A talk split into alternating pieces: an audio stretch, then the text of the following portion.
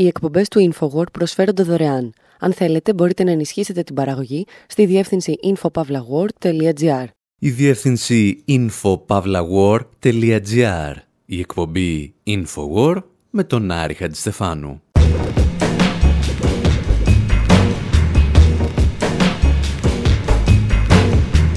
Όπου σήμερα βλέπουμε ταινίες και τηλεσυρές στο Netflix και στο HBO προσπαθώντας να καταλάβουμε πώς λειτουργεί και πώς δεν λειτουργεί η αμερικανική προπαγάνδα στη βιομηχανία του θεάματος.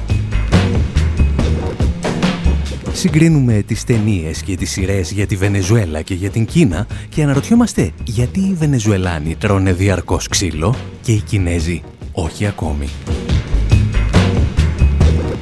Υποπτευόμαστε ότι το Πεκίνο έχει αγοράσει ένα σημαντικό κομμάτι του Χόλιγουτ και βρισκόμαστε αντιμέτωποι με ένα από τα μεγαλύτερα παράδοξα του καπιταλισμού. Τι συμβαίνει όταν ο αντίπαλός σου ελέγχει το μηχανισμό προπαγάνδας σου; Στη διάρκεια παίζουμε και κανένα βίντεο game με μισθοφόρους και θυμόμαστε τι μας έλεγε για τις μεγάλες επιχειρήσεις προπαγάνδας ο Ιγνάσιο Ραμόνε.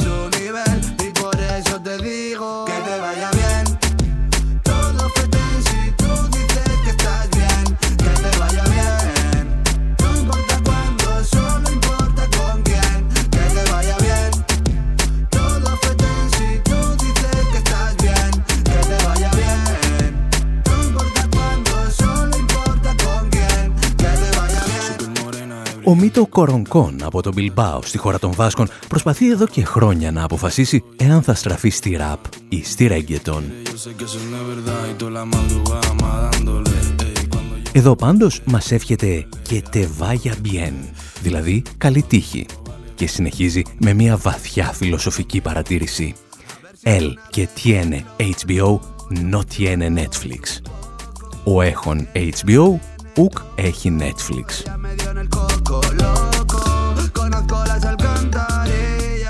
Η οποία παρατήρηση σύντομα δεν θα είναι αληθινή, γιατί μέσα στο 2022 οι Έλληνες τηλεθεατές θα μπορούν να έχουν και HBO Max και Netflix.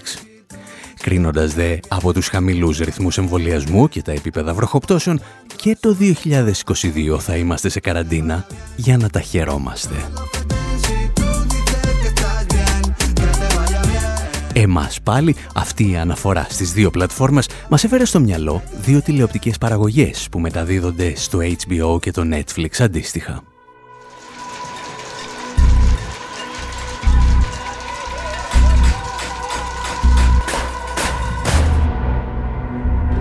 More than 3 million refugees, an economy in freefall.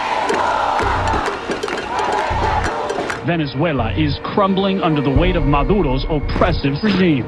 Η πρώτη παραγωγή είναι ντοκιμαντέρ και λέγεται «Αλακάγε», δηλαδή «Στο δρόμο». Πρόκειται για αστεία προπαγάνδα που θα μπορούσε να αποτελεί διευρυμένο ρεπορτάζ του ακροδεξιού δικτύου Fox News ή ανταπόκριση του Συμβούλου του Πρωθυπουργού Ιάσονα Πιπίνη από το Μέγαρο Μαξίμου. Η δεύτερη παραγωγή στο Netflix όμως έχει μεγαλύτερο ενδιαφέρον.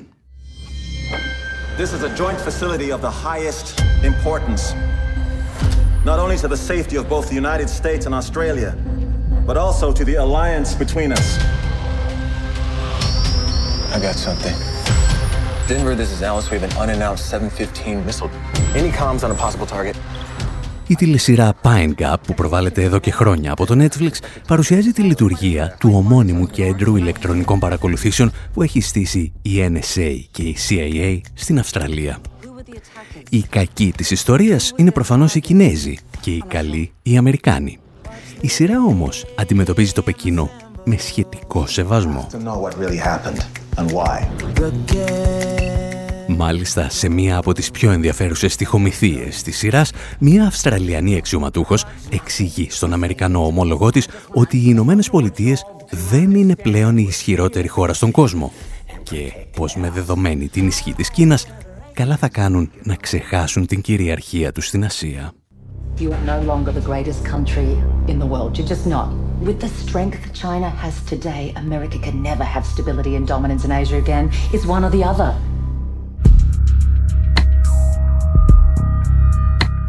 Βαριές κουβέντες σαν κι αυτές δεν θα μπορούσαν φυσικά να ακουστούν όταν αντίπαλος των Ηνωμένων Πολιτειών ήταν παραδείγματος χάρη η Σοβιετική Ένωση ή μετέπειτα Ρωσία. Γιατί ο σεναριογράφος σε μια τέτοια περίπτωση θα περνούσε αυτομάτως στο Ταμείο Ανεργίας. Γιατί λοιπόν μια τηλεσυρά μυθοπλασίας όπως το Pine Gap με εχθρό την Κίνα είναι πολύ πιο αληθοφανής σε σχέση με ένα ντοκιμαντέρ για τη Βενεζουέλα; Εν συντομία, η απάντηση είναι ο καπιταλισμός ηλίθιε.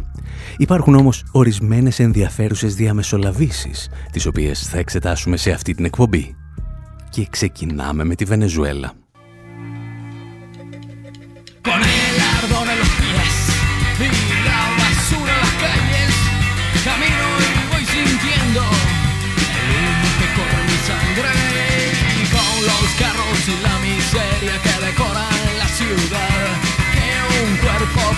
Para enderezar las mentes fuera de lugar. Y es una canción del sistema para el sistema y qué más da. Y es una canción del sistema para el sistema y qué más da.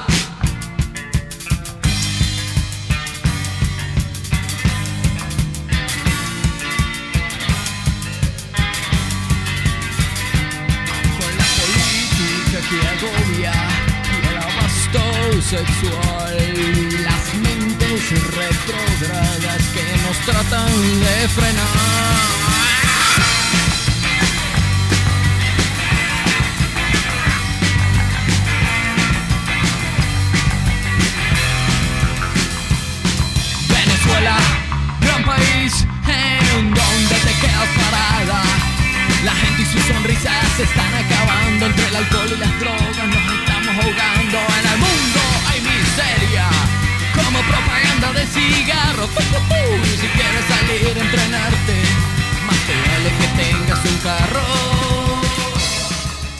Sentimiento Muerto ήταν το γνωστότερο ροκ συγκρότημα της Βενεζουέλας στη δεκαετία του 80 και του 90, πριν δηλαδή από την έλευση του Ούγκο Τσάβες, ο οποίος το γύρισε στη hip hop.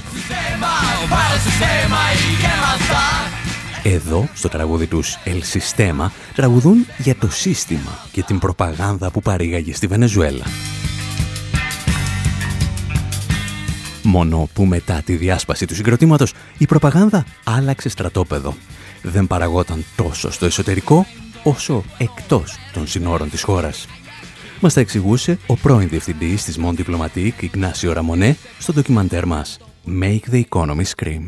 La campaña mediática contra Venezuela empezó desde que arrancó la revolución bolivariana.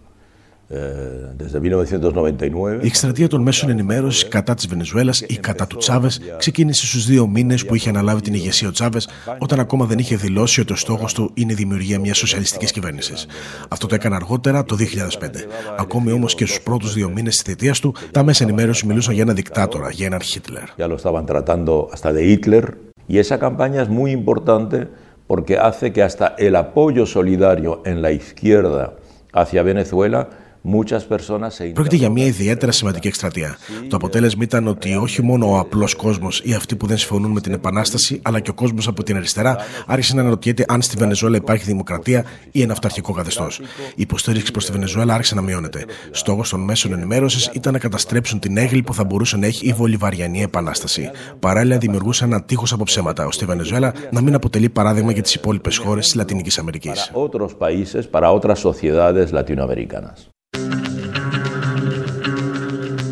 Οι εκστρατείες προπαγάνδας εναντίον της Βενεζουέλας λοιπόν εξυπηρετούσαν πολύ συγκεκριμένους στόχους και είχαν και συγκεκριμένους αποδέκτες, μεταξύ των οποίων και η αριστερά της Ευρώπης και των Ηνωμένων Πολιτειών. Όπως έχουμε εξηγήσει όμως και σε παλαιότερες εκπομπές, σε τέτοιες περιπτώσεις δεν αρκούν οι δημοσιογράφοι, οι πολιτικοί και οι δημοσιολόγοι. Πρέπει να κινητοποιηθεί το σύνολο της αμερικανικής βιομηχανίας του θεάματος. Και αυτό ακριβώς συμβαίνει εδώ και χρόνια, όπως μας εξηγούσε πρόσφατα ρεπορτάζ του δικτύου Venezuela Analysis. The systematic demonization of Venezuela has spilled over to U.S. cultural production.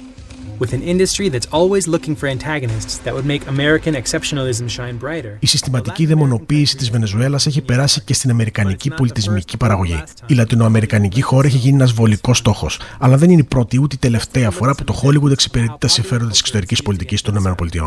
Α δούμε μερικά παραδείγματα του πώς χρησιμοποιείται η pop κουλτούρα εναντίον της Βενεζουέλας. Σε ταινίες και ειδικά σε σειρές είναι όλο ένα και πιο συχνό να παρουσιάζεται η χώρα της Καραϊβικής ως κέντρο ανομίας και εγκλήματος ή ως πυρήνας του κακού. Για παράδειγμα, η σειρά Legends είχε έναν έμπορο όπλο να ομολογεί πως πούλησε χημικά όπλα στην κυβέρνηση Μαδούρο. Η πετυχημένη κατασκοπευτική σειρά Homeland παρουσίασε το Καράκα ως ένα χαοτικό παράδεισο για τους εμπόρους ναρκωτικών στην τρίτη τη σεζόν. Αλλά ο μεγαλύτερος άλλος προκλήθηκε από τη δεύτερη σεζόν της σειράς Jack Ryan της Amazon που βγήκε το 2019. Το σενάριό της θα μπορούσε να έχει έρθει απευθείας από έκθεση του State Department.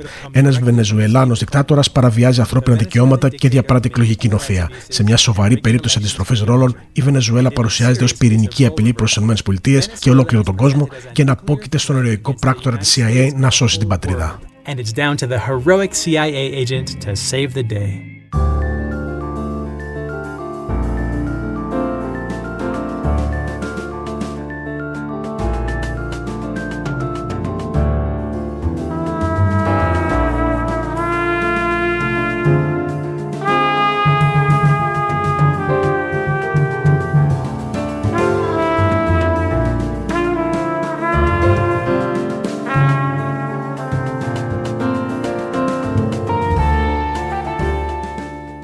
Διαφορά ανάμεσα στις σειρές που αναφέρθηκαν είναι ότι το Homeland, το μουσικό θέμα του οποίου ακούμε εδώ, ήταν αν μη τι άλλο συναρπαστικό.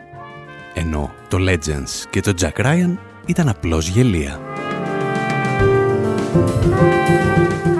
Η αμερικανική βιομηχανία του θεάματος πάντως δεν έμεινε στις σειρές και τις ταινίες περιπέτειας και κατασκοπίας για να χτυπήσει τη Βενεζουέλα.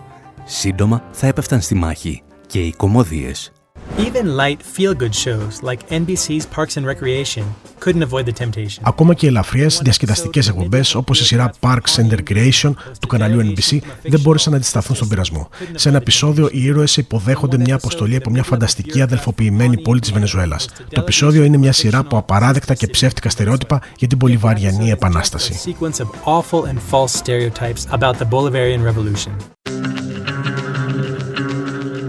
Ο Βενεζουελάνος αξιωματούχος που επισκέπτεται τις Ηνωμένες Πολιτείες είναι πράγματι μια καρικατούρα και θέλει να βάλει τους πάντες στη φυλακή.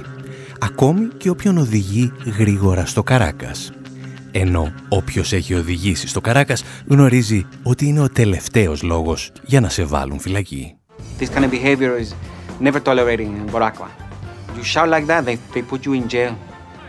Αυτού του είδους η συμπεριφορά δεν είναι ποτέ ανεκτή στην Μποράκουα. Αν φωνάζει, σε βάζουν φυλακή. Αμέσως, χωρίς δίκη, χωρίς τίποτα.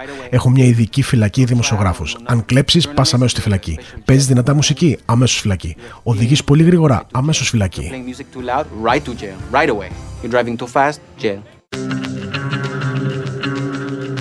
Όταν τελείωσαν και οι κομμωδίες, η αμερικανική βιομηχανία του θεάματος άρχισε να ρίχνει στη μάχη ακόμη και την αγορά των video games. Ιστορίες που είχαμε διηγηθεί και πριν από μερικά χρόνια. Και θα θυμηθούμε εδώ εν συντομία, ξεκινώντας όπως πάντα, με ένα τραγούδι.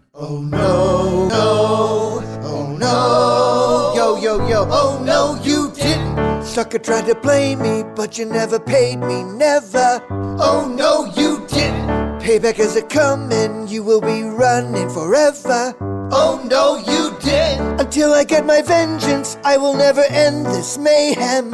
Oh no, you did! I'm a mercenary, you ain't got a prayer, you owe me. Oh no, you did! Oh no, you didn't! Oh no,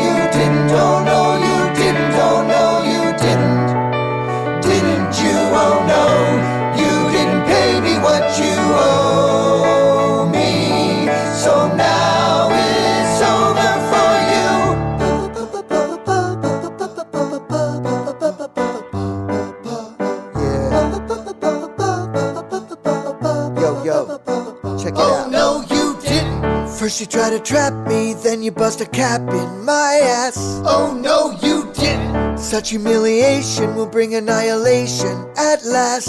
Oh no, you didn't. It will be delicious when I get vicious tomorrow. Oh no, you didn't. There's no second chances, you will do the dance of sorrow. Oh no, you didn't! Oh no, you didn't. Oh no, you didn't. Oh no, you didn't. Oh no,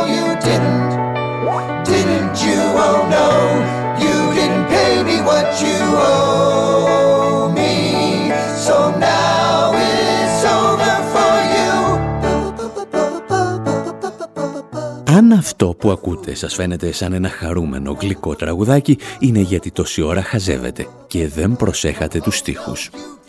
Ουσιαστικά το τραγούδι διηγείται την ιστορία ενός μισθοφόρου, ο οποίος δεν έλαβε την αμοιβή που είχε ζητήσει και τώρα υπόσχεται να πνίξει τον εργοδότη του σε μια λίμνη αίματος. Και αυτό το γλυκό τραγουδάκι συνόδευσε το video game Mercenaries 2. Την υπόθεση μπορείτε ίσως να την μαντέψετε. Ομάδες μισθοφόρων αναλαμβάνουν να εξοντώσουν τον ηγέτη της Βενεζουέλας για λογαριασμό, δεν θα το πιστέψετε, των Ηνωμένων Πολιτειών. Oh, oh, το ρεπορτάζ της ιστοσελίδας Greyzone In a more crudely designed 2008 first-person shooter called Mercenaries 2, σε ένα βίντεο game που κυκλοφόρησε το 2008 με το όνομα Mercenaries 2 World in Flames, ένας λαϊκιστής δισεκατομμυρίουχος, ο Ραμόν Σολάνο, αναλαμβάνει τον έλεγχο της Βενεζουέλας με πραξικόπημα και υπόσχεται να διανύμει τα έσοδα της χώρας από το πετρέλαιο στο λαό της. Οι παίκτες έχουν τον ρόλο του Ματίας Νίλσον, ενός Ευρωπαίου μισθοφόρου που είναι διατεθειμένος να σκοτώσει οποιονδήποτε αν το αντίτιμο είναι καλό. Σε συμφωνία με μια πολυεθνική εταιρεία πετρελαίου, ο Νίλσον συντρίβει τη Βενεζουέλα και τελικά τεινάζει τα μυαλά του Σολάνο στον αέρα. Και το κάνει μέσα σε ένα μέγαρο το οποίο μοιάζει σε ύποπτο βαθμό με το συγκρότημα κτηρίων στο οποίο δούλευε ο Ούγκο Τσάβες όταν ήταν πρόεδρος. Like the Cuatro FA compound where Hugo Chavez worked when he was president. Οι υπεραιωνόβοι ακροατές αυτής της εκπομπής θα θυμούνται ίσως ότι είχαμε ασχοληθεί με το Mercenaries 2 και πριν από 11 χρόνια. The oil revenues should be going to the people. It belongs to them. It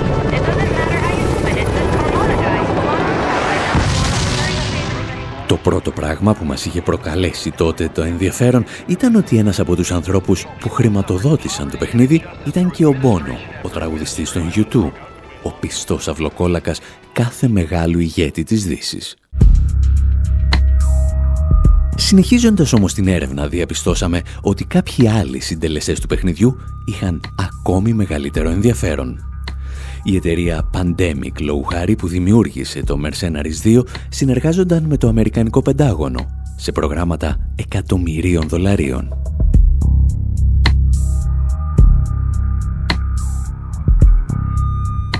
Η προπαγάνδα λοιπόν εναντίον της Βενεζουέλας παρήγαγε και μια αξιοθαύμαστη συνεργασία μεταξύ των μεγάλων στούντιο του Hollywood, δημιουργών ηλεκτρονικών παιχνιδιών, δημοσιογράφων, πολιτικών και του Πενταγώνου αλλά και του State Department. Και το ερώτημα που θα μας απασχολήσει στο δεύτερο μέρος της εκπομπής είναι γιατί δεν τα κατάφεραν τόσο καλά και στην περίπτωση της Κίνας. Εσείς μένετε λοιπόν εδώ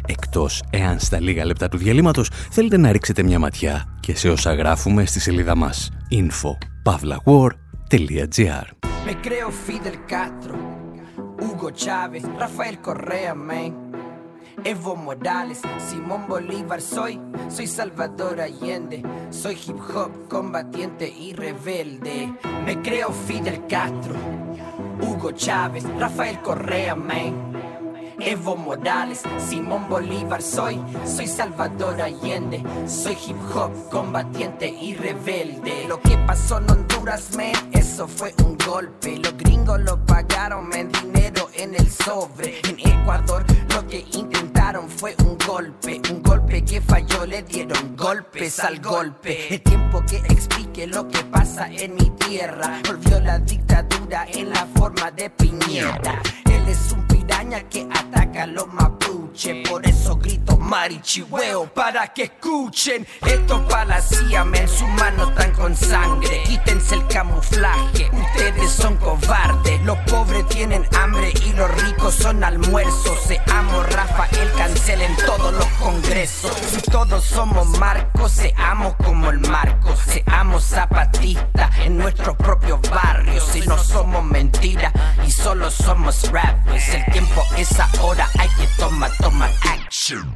Me creo Fidel Castro, Hugo Chávez, Rafael Correa, man, Evo Morales, Simón Bolívar, soy, soy Salvador Allende, soy hip hop combatiente y rebelde.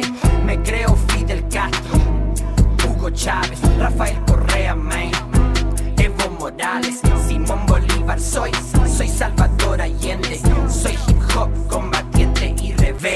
Me creo comandante fuerte y saludable. No hay cáncer que me mate, el proceso va para adelante. Soy caminante, parte del pueblo, consejos comunales, organizando base.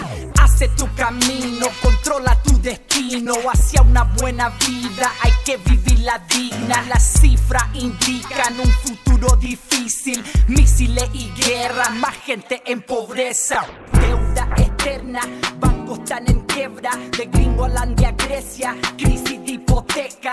Fondo monetario, protege lo empresario. Pero soy González Claudio, expropiando Wells Fargo. Soy Castro, soy Chávez, pero al margen del gobierno. Soy célula durmiendo dentro del imperio. Despierto en el momento preciso, creído porque creo en ese cambio que se vive a diario. Me creo Fidel Castro, Hugo Chávez, Rafael Correa, man, Evo Morales, Simón Bolívar, soy, soy Salvador Allende, soy hip hop combatiente y rebelde. Me creo Fidel Castro, Hugo Chávez, Rafael Correa, man, Evo Morales, Simón Bolívar, soy, soy Salvador Allende, soy hip hop combatiente y rebelde. En fin, el retorno de Zaratustra. El retorno, en pleno retorno. Claro, Fidel me decía hoy, Chávez, es importante que el pueblo venezolano no crea que ya pasó todo. Es importante que tú mismo no te vayas a pensar que ya pasó todo, no. Estamos en pleno proceso de una lucha que es dura y que lleva su tiempo.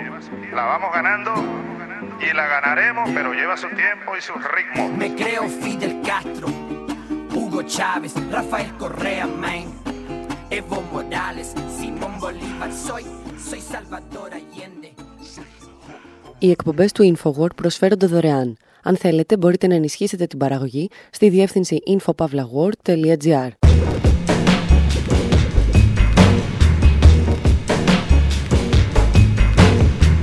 Εκπομπή InfoWord, μέρος δεύτερο. Όπου αναρωτιόμαστε γιατί η Αμερικανική βιομηχανία του θεάματος εξαντλεί το μένος της εναντίον της Βενεζουέλας, ενώ συχνά στέκεται προσοχή απέναντι στην Κίνα. Ακόμη και όταν ο Λευκός Οίκος ζητά ακριβώς το αντίθετο. Είδαμε λοιπόν πώς λειτουργεί ο μηχανισμός όταν εχθρός είναι το Καράκας και τώρα θα μιλήσουμε για το Πεκίνο. Θα ξεκινήσουμε όμως από έναν σταθμό παρακολουθήσεων κάπου στην Αυστραλία, ο οποίος ακούει στο όνομα Pine Gap. Ξεναγή μας η Midnight Oil.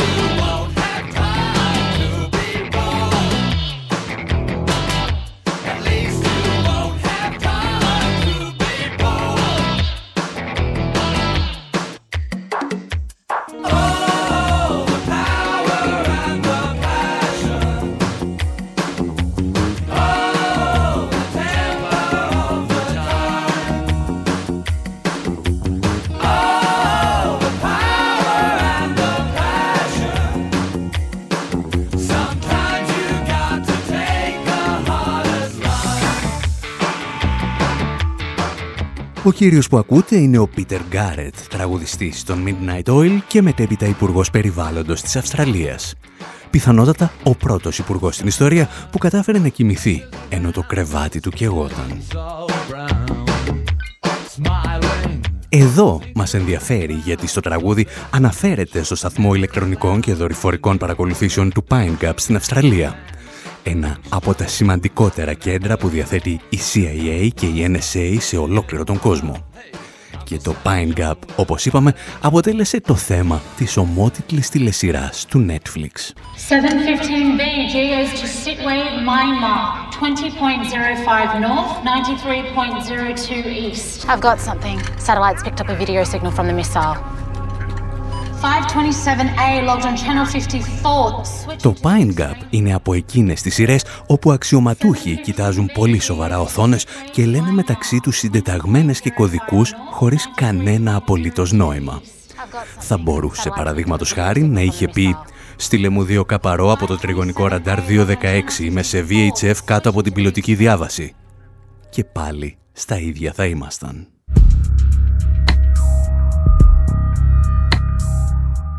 Πέρα όμως από τις φτηνές Αμερικανιές, η σειρά έχει ιδιαίτερο πολιτικό ενδιαφέρον, κυρίως για το πώς παρουσιάζει την προβολή ισχύω της Κίνας και των Ηνωμένων Πολιτειών στην περιοχή του Ινδικού και του Ειρηνικού ωκεανού. Όπως είπαμε και στο πρώτο μέρος, είναι η πρώτη σειρά που ξέρουμε να αμφισβητεί τόσο έντονα το δικαίωμα της Ουάσιγκτον να παίζει τον χωροφύλακα σε διαμφισβητούμενες περιοχές της Κινέζικης θάλασσας. Σε κάποια στιγμή μάλιστα στις οθόνες των υπολογιστών του Pine Gap εμφανίζεται ένας χάρτης που απεικονίζει τα κυριαρχικά δικαιώματα της Κίνας όπως τα αντιλαμβάνεται η Κίνα. Η συγκεκριμένη εικόνα εξόργησε τόσο πολύ το Υπουργείο Εξωτερικών του Βιετνάμ, το οποίο διεκδικεί τις ίδιες περιοχές, ώστε το Netflix αναγκάστηκε να διακόψει τη μετάδοση της σειράς.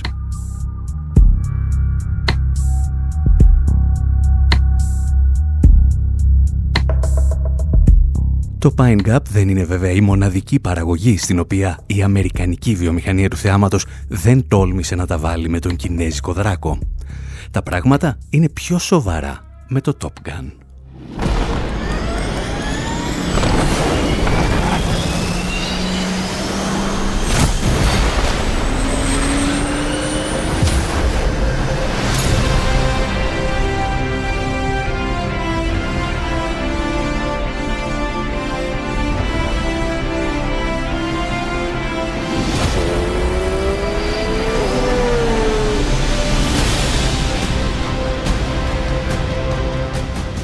Όταν κυκλοφόρησε το τρέιλερ για το sequel του Top Gun με τον Tom Cruise, οι προσεκτικοί τηλεθεατές εντόπισαν μια μικρή αλλά σημαντική λεπτομέρεια.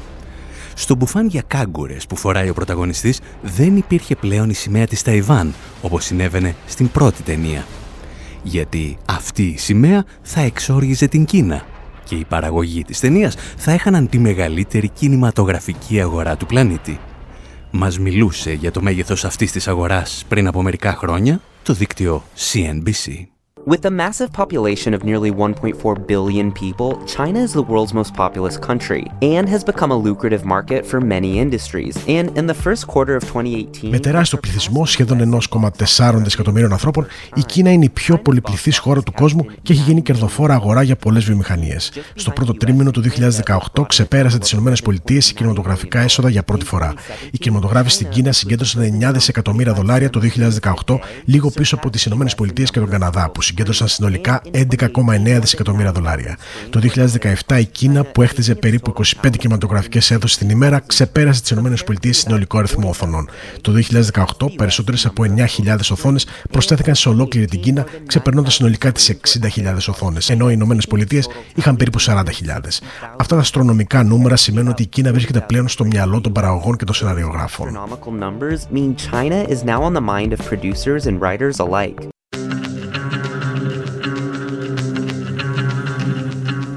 Το να σε έχουν στο μυαλό τους η παραγωγή και οι σεναριογράφοι του Hollywood σημαίνει πολλά.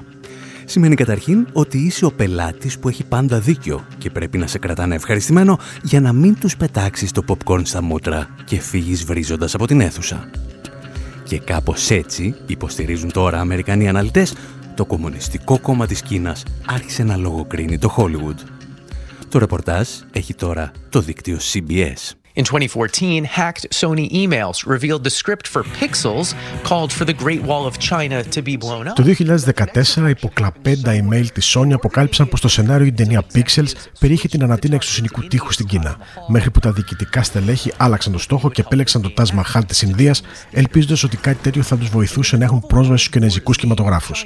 Επίσης, στο βιβλίο Παγκόσμιος Πόλεμος Z, η Κίνα είναι η πηγή ενός θανατηφόρου ιού που μετατρέπει τους ανθρώπους σε ζόμπι, όμως τη μεταφορά του στον κινηματογράφο το 2013 η ταινία δείχνει αλλού.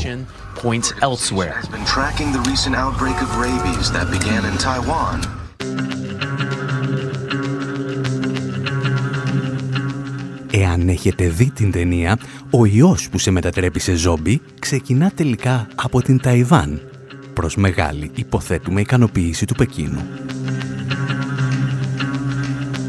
Όταν πάντως οι επιθυμίες της Κίνας για αλλαγή του σεναρίου δεν μπορούσαν να εφαρμοστούν, οι Αμερικανοί παραγωγοί αναγκάζονταν είτε να κόψουν αποσπάσματα των ταινιών τους ή να τις αποσύρουν τελείως από την κινέζικη αγορά, με ζημιά εκατομμυρίων δολάριων. Στην πρώτη περίπτωση ανήκει το Bohemian Rhapsody για τους Queen και στη δεύτερη μια ταινία του Ταραντίνο, ο οποίος τόλμησε να προσβάλλει τον Bruce Lee. The trend in box office sales has prompted Hollywood to now seriously consider the Chinese audience, in some cases casting specific actors and even rewriting movie scripts. Η τάση των πωλήσεων εισιτηρίων στους κινηματογράφους έχει παρακινήσει το Hollywood να σκεφτεί σοβαρά το κινέζικο κοινό. Σε ορισμένες περιπτώσεις προσλαμβάνουν Κινέζους ηθοποιούς και σε άλλες ξαναγράφουν τα σενάρια. Στο sequel της ταινίας Top Gun με τον Tom Cruise, οι σημαίες της Ιαπωνίας και της Ταϊβάν φέρονται να αφαιρέθηκαν για να κατευναστεί η Κίνα. Και αν είδατε το Bohemian Rhapsody στην Κίνα, η ταινία ήταν περίπου 3 λεπτά πιο σύντομη αφού αφαιρέθηκαν έκαναν αναφορές στη σεξουαλικότητα του Φρέντι Μέρκιουρι. Εν τω μεταξύ, η Κίνα ακύρωσε την κυκλοφορία της ταινίας μια φορά και έναν καιρό στο Hollywood του Κουαντίν Ταραντίνο, αφού το η κόρη του Μπρουσ Λί παραπονέθηκε στην Εθνική Αρχή Κινηματογράφου της Κίνας για τη μη κολακευτική απεικόνηση του πατέρα της στην ταινία.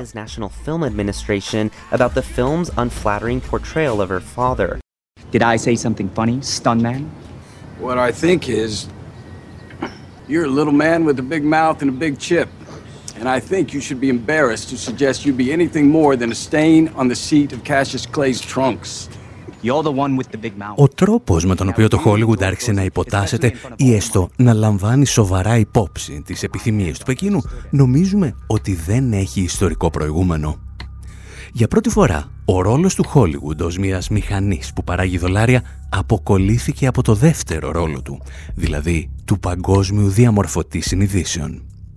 Τη στιγμή που ο Λευκός Οίκος ήδη από τα χρόνια του Ομπάμα κινούνταν σε τροχιά με τοπική σύγκρουσης με την Κίνα, το Hollywood έμενε σιωπηλό. Υπό μία έννοια, η κερδοφορία του ερχόταν σε σύγκρουση με το εθνικό συμφέρον των Ηνωμένων Πολιτειών. Τουλάχιστον όπως το εξέφραζε ο πρόεδρος και το State Department.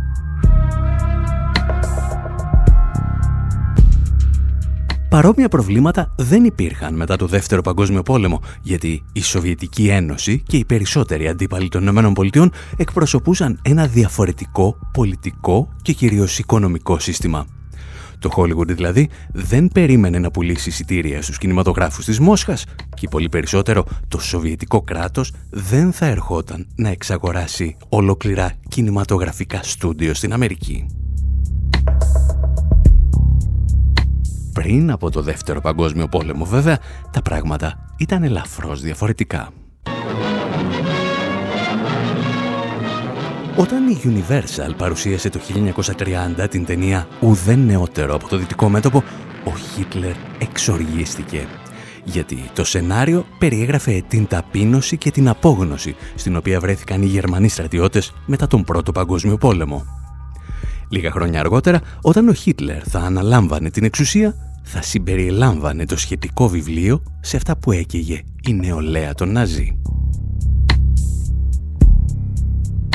Βλέποντας όμως τον κίνδυνο να χάσει ένα σημαντικό κομμάτι από την αγορά της Ευρώπης, ο πρόεδρος της Universal ταξίδεψε στο Βερολίνο και έκανε μια συμφωνία με το Υπουργείο Εξωτερικών. «Πείτε μου τι θέλετε να κόψω», τους είπε, «και θα το κόψω». Και το ίδιο έκαναν πολλά ακόμη αμερικανικά στούντιο που συνεργάζονταν για χρόνια με τους Ναζί. θυμίζει μήπως αυτή η ιστορία τη σημερινή βιομηχανία του Hollywood και τη στάση απέναντι στην Κίνα; Όχι ακριβώς. Τη δεκαετία του 30, ένα μεγάλο κομμάτι της αμερικανικής αστικής τάξης στήριζε ανοιχτά την ναζιστική Γερμανία. Το Hollywood λοιπόν δεν ερχόταν σε σύγκρουση με την επίσημη γραμμή του State Department, γιατί πολύ απλά δεν υπήρχε ισχυρή γραμμή, αφού το πολιτικό και οικονομικό κατεστημένο ήταν διχασμένο απέναντι στον Χίτλερ. Σήμερα όμως το πολιτικό κατεστημένο ομοφωνεί στην ακραία επιθετική στάση απέναντι στην Κίνα και το Hollywood σφυρίζει αδιάφορα. Ή τουλάχιστον σφύριζε μέχρι πρότινος. Μικρό διάλειμμα και θα δούμε γιατί όλα αυτά πρόκειται σύντομα να αλλάξουν.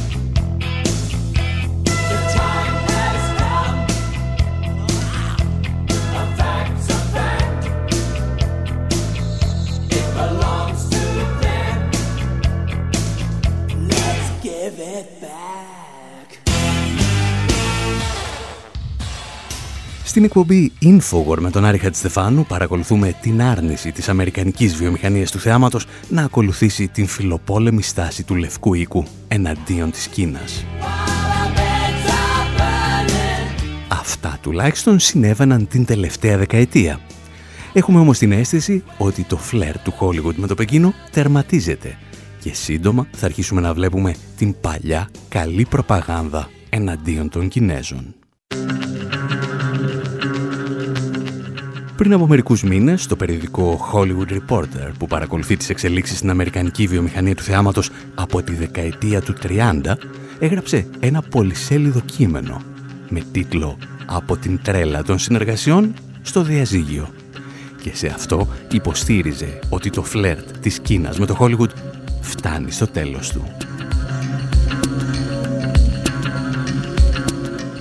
Όπως εξηγούσε λίγες μέρες αργότερα ο σεναριογράφος Καμράν Πασά, το κείμενο του Hollywood Reporter αποτελεί ένα σημείο καμπής. Είναι το καμπανάκι με το οποίο η βιομηχανία του θεάματος έδινε το σήμα για να διακοπούν όσα συνέβαιναν τα τελευταία δέκα χρόνια. For the last decade, the line that I've heard is that we've got to do things to make China happy. Make sure there's a Chinese character in there because we want to be able to sell this in China. Την τελευταία δεκαετία η ατάκα που ακούω είναι ότι πρέπει να κάνουμε την Κίνα χαρούμενη. Να σιγουρευτούμε ότι υπάρχει ένας Κινέζος ηθοποιός για να μπορούμε να πουλήσουμε την ταινία στην Κίνα. Ή από την πιο σκοτεινή πλευρά να διορθώσουμε αυτή την ατάκα στο σενάριο ή να την αφαιρέσουμε διότι θα ήταν προσβλητική για τους Κινέζους λογοκριτές. Αυτός ήταν ο επίσημος τρόπος με τον οποίο θα έπρεπε να αλληλεπιδρούμε με την Κίνα, μας έλεγαν την τελευταία δεκαετία. Υπάρχουμε για να τους εξυπηρετούμε, για να σιγουρευτούμε τα χρήματα θα συνεχίσουν να ρέουν προς το Hollywood.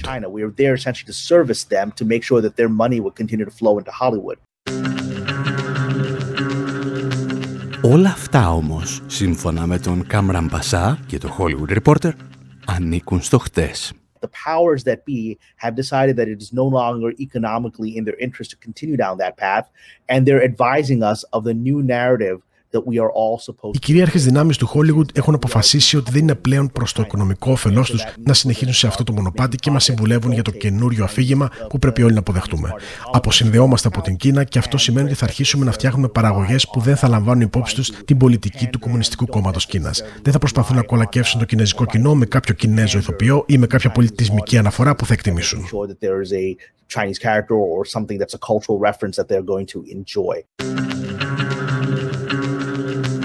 Υπάρχουν πολλοί τρόποι με τους οποίους θα μπορούσε να εξηγήσει κάποιος αυτή τη μεταστροφή.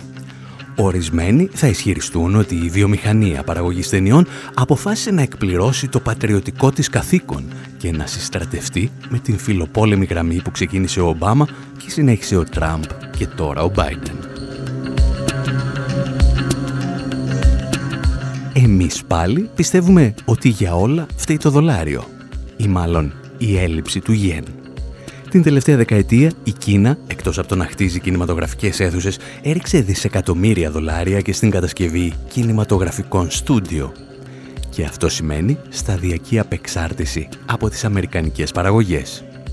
Οι Κινέζοι θεατές θα βλέπουν λιγότερες ξένες ταινίες και οι Κινέζοι επιχειρηματίες θα εξαγοράζουν λιγότερα αμερικανικά στούντιο.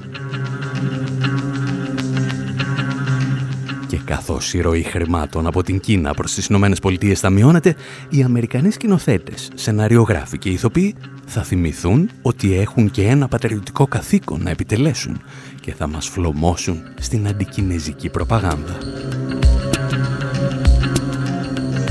Είναι και αυτή μία από τις προβλέψεις μας για το μέλλον.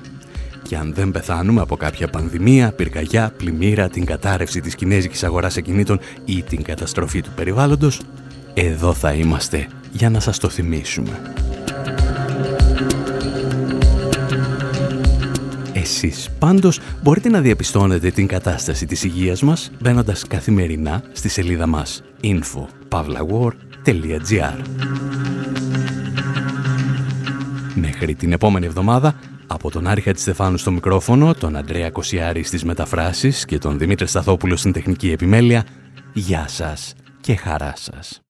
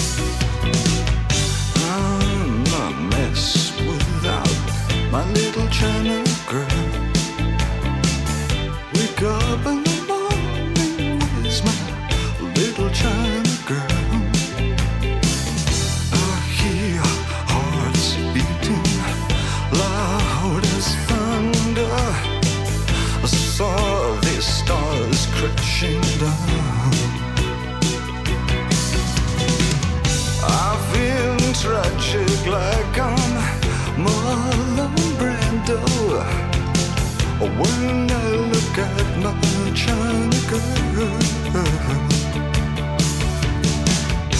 I could pretend nothing really meant too much. When I look at my China girl.